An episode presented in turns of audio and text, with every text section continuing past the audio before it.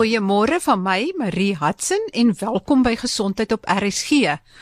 Ons gesels vandag oor kokleaire implantings. Dit is nie iets nuuts nie, maar het jy al ooit gewonder presies hoe dit werk? Ek het vandag twee gaste. Dit is Dr. Derrick Wagenveld.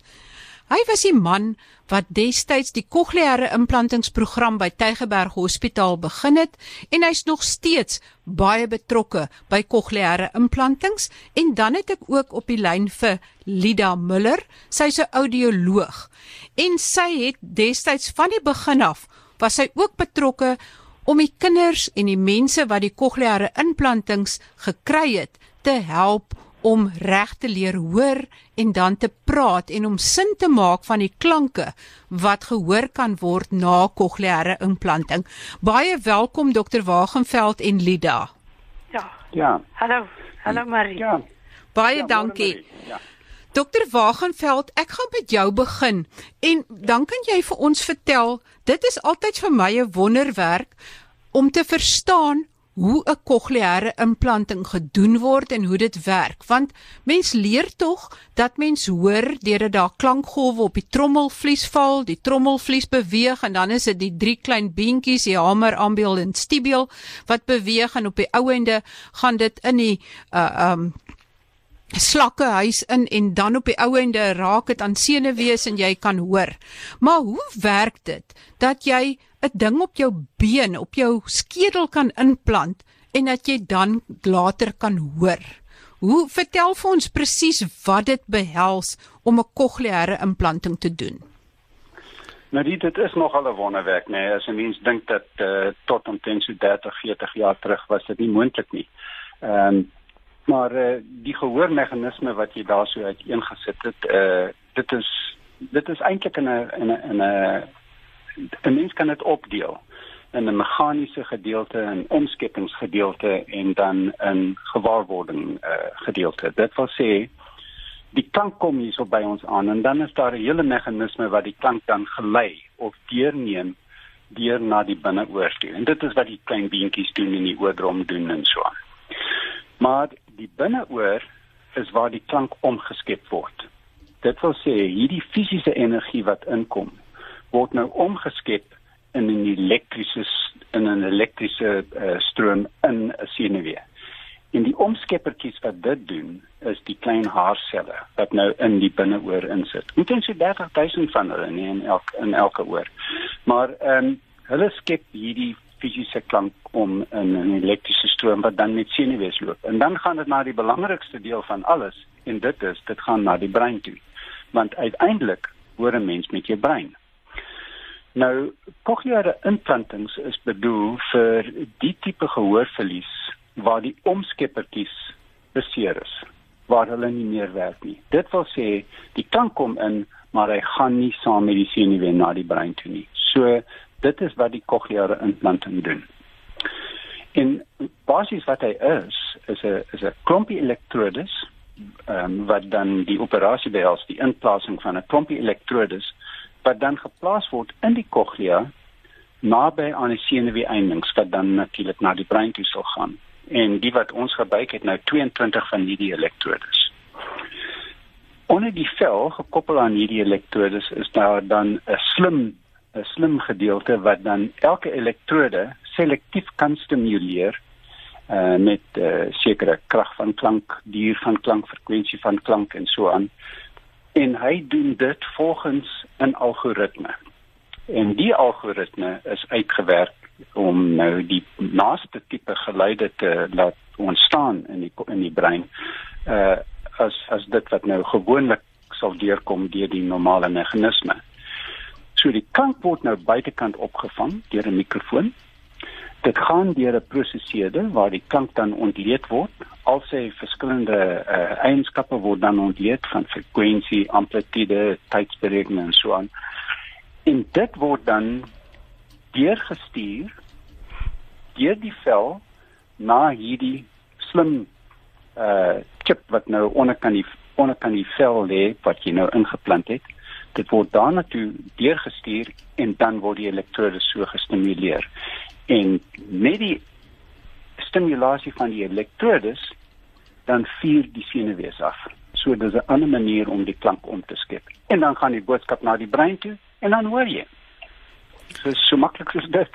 en die en die brein weet dan hoe om dit te vertolk. So julle dis eintlik 'n omleiding dat julle 'n bypass doen verby die uh trommelvlies, die hamer, ambeeld, stibiel en direk tot by die cochlea kom. Ja, dis reg. Ons kom in die cochlea in, maar ons ons maak nie gebruik van die haarselletjies van die omskeppertjies in die cochlea nie. Ons gebruik die cochlea net om by die senuweeëindings uit te kom wat ons want hulle is nou mos wyd versprei daar in die cochlea, so dit is mak, baie makliker dan om om spesifieke groepe van senuwees dan te stimuleer want hulle is so uitgerafel daar. Net voordat ek by Lida kom om te hoor hoe dit klink en hoe sy die mense help om reg te hoor, is hoe, hoe uh wat watter pasiënte is ideale kandidaate vir 'n kokleaire implanting? Doen julle dit net in een oor en doen julle dit al hoe meer op jonger mense en babas? Nou, Marie, uh, jy weet jy jy hoor met jou brein. So uh waar jou waar jou cochlea so beskadig is dat jy nie meer 'n senuwee boodskap kan laat ontstaan wat na jou brein toe gaan. Daardie mense kan jy nou help met 'n cochleaire implanting. En uh jy wil die beste moontlike uh sein deurkry na die brein toe sodat die brein dan meer sin kan maak van hierdie boodskap. Jy weet hy moet soveel klankinligting kan oordra na die brein toe. Nou jy is jy word jy word gebore met 'n brein wat geprogrammeer kan word om klank te waardeer en te verstaan en te vertolk maar hy moet geprogrammeer word en hy word geprogrammeer deur inkomende klank wat die brein dan leer om te om om om te om te vertolk. En dit is iets wat gedoen moet word veral wat kom by die spraak sein. Uh dit moet gedoen word in die vroeë jare. En dit wil sê hoe, hoe nader aan geboorte hoe beter. En definitief voor die ouderdom van 3 alhoewel voor die ouderdom van 2 is baie meer ideaal. So hierdie is nou presies bedoel vir kinders wat kongenitaal gehoorverlies het. Dit wil sê hulle hulle het hulle kan nie hoor nie van uh, geboorte af nie en uh sodat hulle dan kan hoor en spraak aanleer en leer om te kommunikeer met daardie sein. Dit word dan ook gebruik by volwassenes wat nou al klaar deur hierdie leerproses gegaan het en nou al klaar kan kan kan hoor en en praat en en verstaan taal. En uh baie mense wat dan later doof word deur infeksies of trauma of middels of wat ook al. Ehm um, maar wat hulle dan hulle vermoë om te hoor verloor vir hulle kan jy nou hierdie sein weer terugstuur en hulle brein is al reg en weet hoe om hierdie klanke nou te vertolk. En so dit is die mense, mense wat al spraak aangeleer het wat na die uh aanleer van spraak doof geraak het of veral die kleintjies wat nou doofgebore is en dan nog hulle spraak en taal moet aanleer. Kan dit help vir iemand wat ouderdomsverwante doofheid het, wat doof word weens ouderdom? Dit kan. Uh jy weet die die oudste pasiënt wat ons in ons program al uh uh geopereer het was 91 jaar oud. En uh so so daar is nie daar is nie 'n tyd wanneer dit nie kan help nie met die rede hoekom jy dit doen reg is. Dit wil sê die haarselletjies werk nie meer nie. Uh in in gewone klankversterking en die gebruik van die die gehoorreste wat nog oorbly nie genoegsaam vir jou inligting gee om om spraak en taal te kan verstaan nie daai mense kan baat vind by 'n implanting. En ons doen dit. Ons het baie mense, baie mense in hulle 80's verseker. Wonderlik. Ja. Nou wil ek net vandag oorskuif na Lida toe.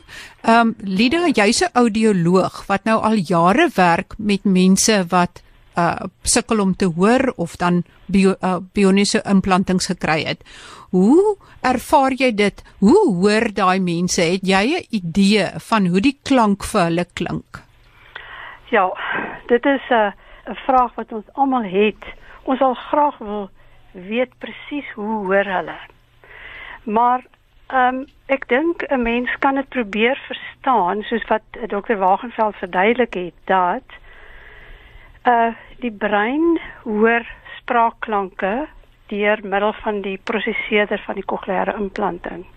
En as gevolg van die interpretasie van die brein kan hy kan die brein uh, dit reg hoor om dit nou so te sê in aanhalingstekens dat hulle hoor net soos wat ons hoor.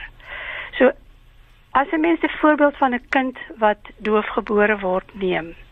En ek wil ook net graag voordat ek verder hieroor praat net uh onderstreep wat dokter Wagenveld gesê het dat die in die geval van kinders moet die kokleaire kinders wat doofgebore word so vroeg as moontlik geïdentifiseer word, gepas word met gehoorapparate en dan in 'n intervensieprogram kom waar die ouers opgelei word om die kinders te help om te vorder. En indien die vordering as gevolg van die graad van die gehoorverlies sodanig is dat die kind nie gesproke taal gaan aanleer nie, gaan hulle 'n kokleaire implanting benodig. En daar is 'n kritiese periode vir die brein om te leer om hierdie klank te kan ontvang om te interpreteer vir normale spraak en taalontwikkeling. En dit is voor die ouderdom van 3. En ons het reeds die uh, wat ons deesdae doen is sodra babas vroeg geïdentifiseer word en en hulle het gedeur 'n gehoorapparaat uh, periode gehoorapparaat gebruik periode gegaan en die ouers is opgelei om die kind te help en die kind vorder nie kan hulle 'n kokleaire implanting kry. En ons het baie kindertjies wat ons al reeds op die ouderdom van 6 maande implanteer. En hulle spraak en taalontwikkeling is normaal. So en meeste van hulle is in normaal in hoofstroom skole. So om te antwoord jou vraag hoe klink dit? Dit is nie presies soos wat ons hoor met akoestiese gehoor nie, maar dit moet naby genoeg wees want 'n mens praat soos jy hoor. En as jy luister na hierdie kinders, hulle spraak en taalontwikkeling is heeltemal normaal. So hulle moet die klank wat hulle hoor en wat hulle verstaan moet baie naby naby wees aan hoe ons hoor. Ja, ek het al gesien eh, een van die een van julle pasiënte Gerard van der Merwe dink ek is sy naam of Gerard wat uh, ja. Nee, Gerard van der Merwe het nie kokleaire implant gekry nie, maar hy is baie betrokke by die Karel de Tooy sentrum. Ja. Maar een van julle pasiënte het wat 'n kokleaire implanting gekry het, kan doodgewoon vir mense hoor en hy gesels normaal, ja, sy infleksies is normaal, ja, so jy kan glad nie agterkom dat hy uh, 'n uh, gehoorprobleem het nie. Ja, baie van die kinders in die hoofstroom skole, hulle maatjies weet nie dat hulle gehoorverlies het nie. Die wat op universiteit al is as gevolg van die feit dat hulle vroeg geïmplanteer is en deur die jare kon hulle vorder uh dit is dit is uh, ongelooflik om te dink dat hulle hulle pot, volle potensiaal kon bereik word deur die feit dat hulle vroeg geïmplanteer is. Hulle het normale spraak en taalontwikkeling. Hulle het normale hoofstroom skool kon hulle bywoon en nou kan hulle verder gaan om hulle potensiaal verder te be, te bewerkstellig. Uh, Lida, jy het nou net ook genoem van uh, die Karel de Tooy sentrum.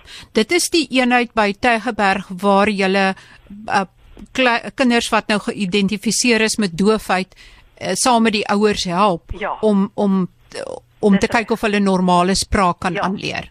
Ja, die die op dit is dis essensieel dat die ouers ondersteun word, gehelp word. Jy kan vir jou voorstel as die baba gebore word en die ouers vind uit dat die baba doof is, was dit nie wat hulle verwag het nie.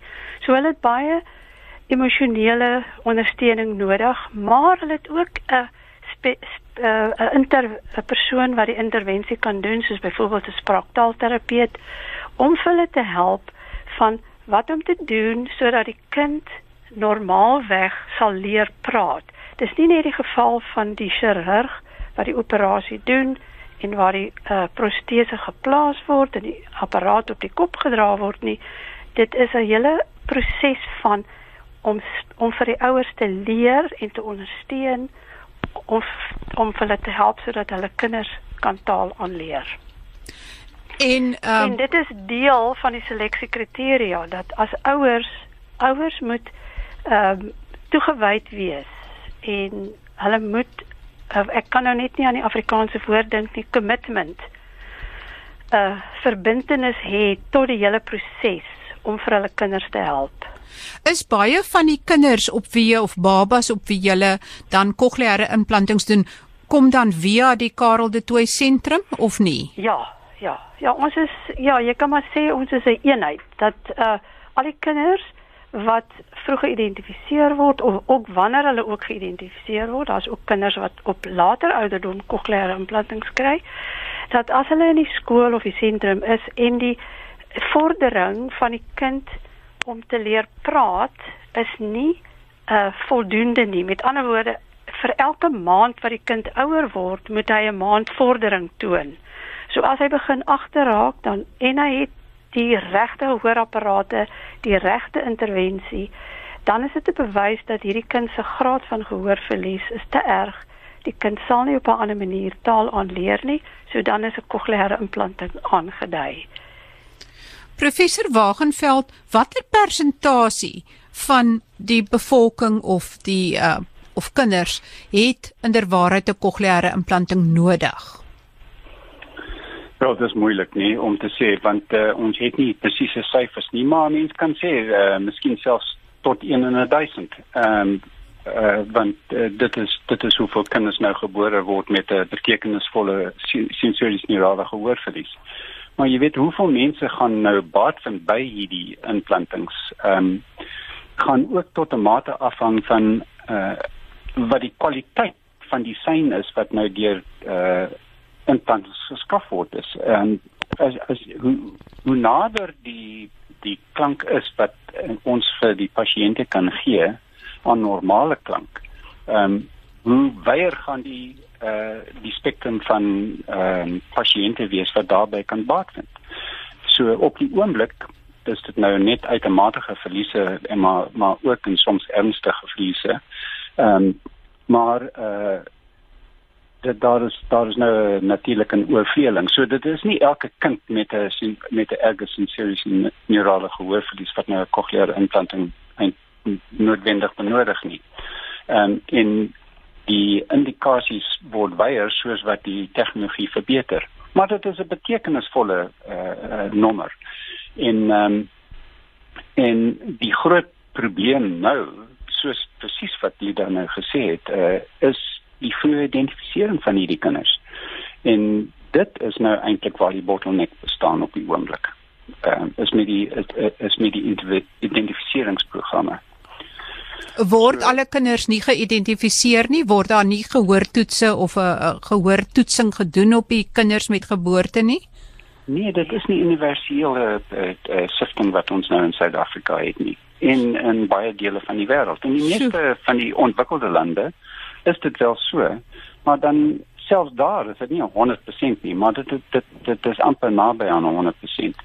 En die belangrikheid daarvan ehm um, word weer speel deur ehm um, sekere van die die die die beleid van sekere regerings in in die lande en dit is dat kinders wat wel opgespoor word wat hierdie ehm um, ernstige outomatiese gehoorverlies het hulle kry hulle implantings deur die staat dit word befonds deur die staat en in sommige kinders selfs veral by ore so weet dit is nou dit het uh, on, ons het lank pad gekom en uh, ongelukkig in die ontwikkelende lande of in die ontwikkelde lande is dit nou wel so, maar in die lande wat nou nog nie heeltemal so ryk is soos die ander lande nie, ehm kan 'n mens het het 'n mens nog nie daardie stelsel in in in plek nie.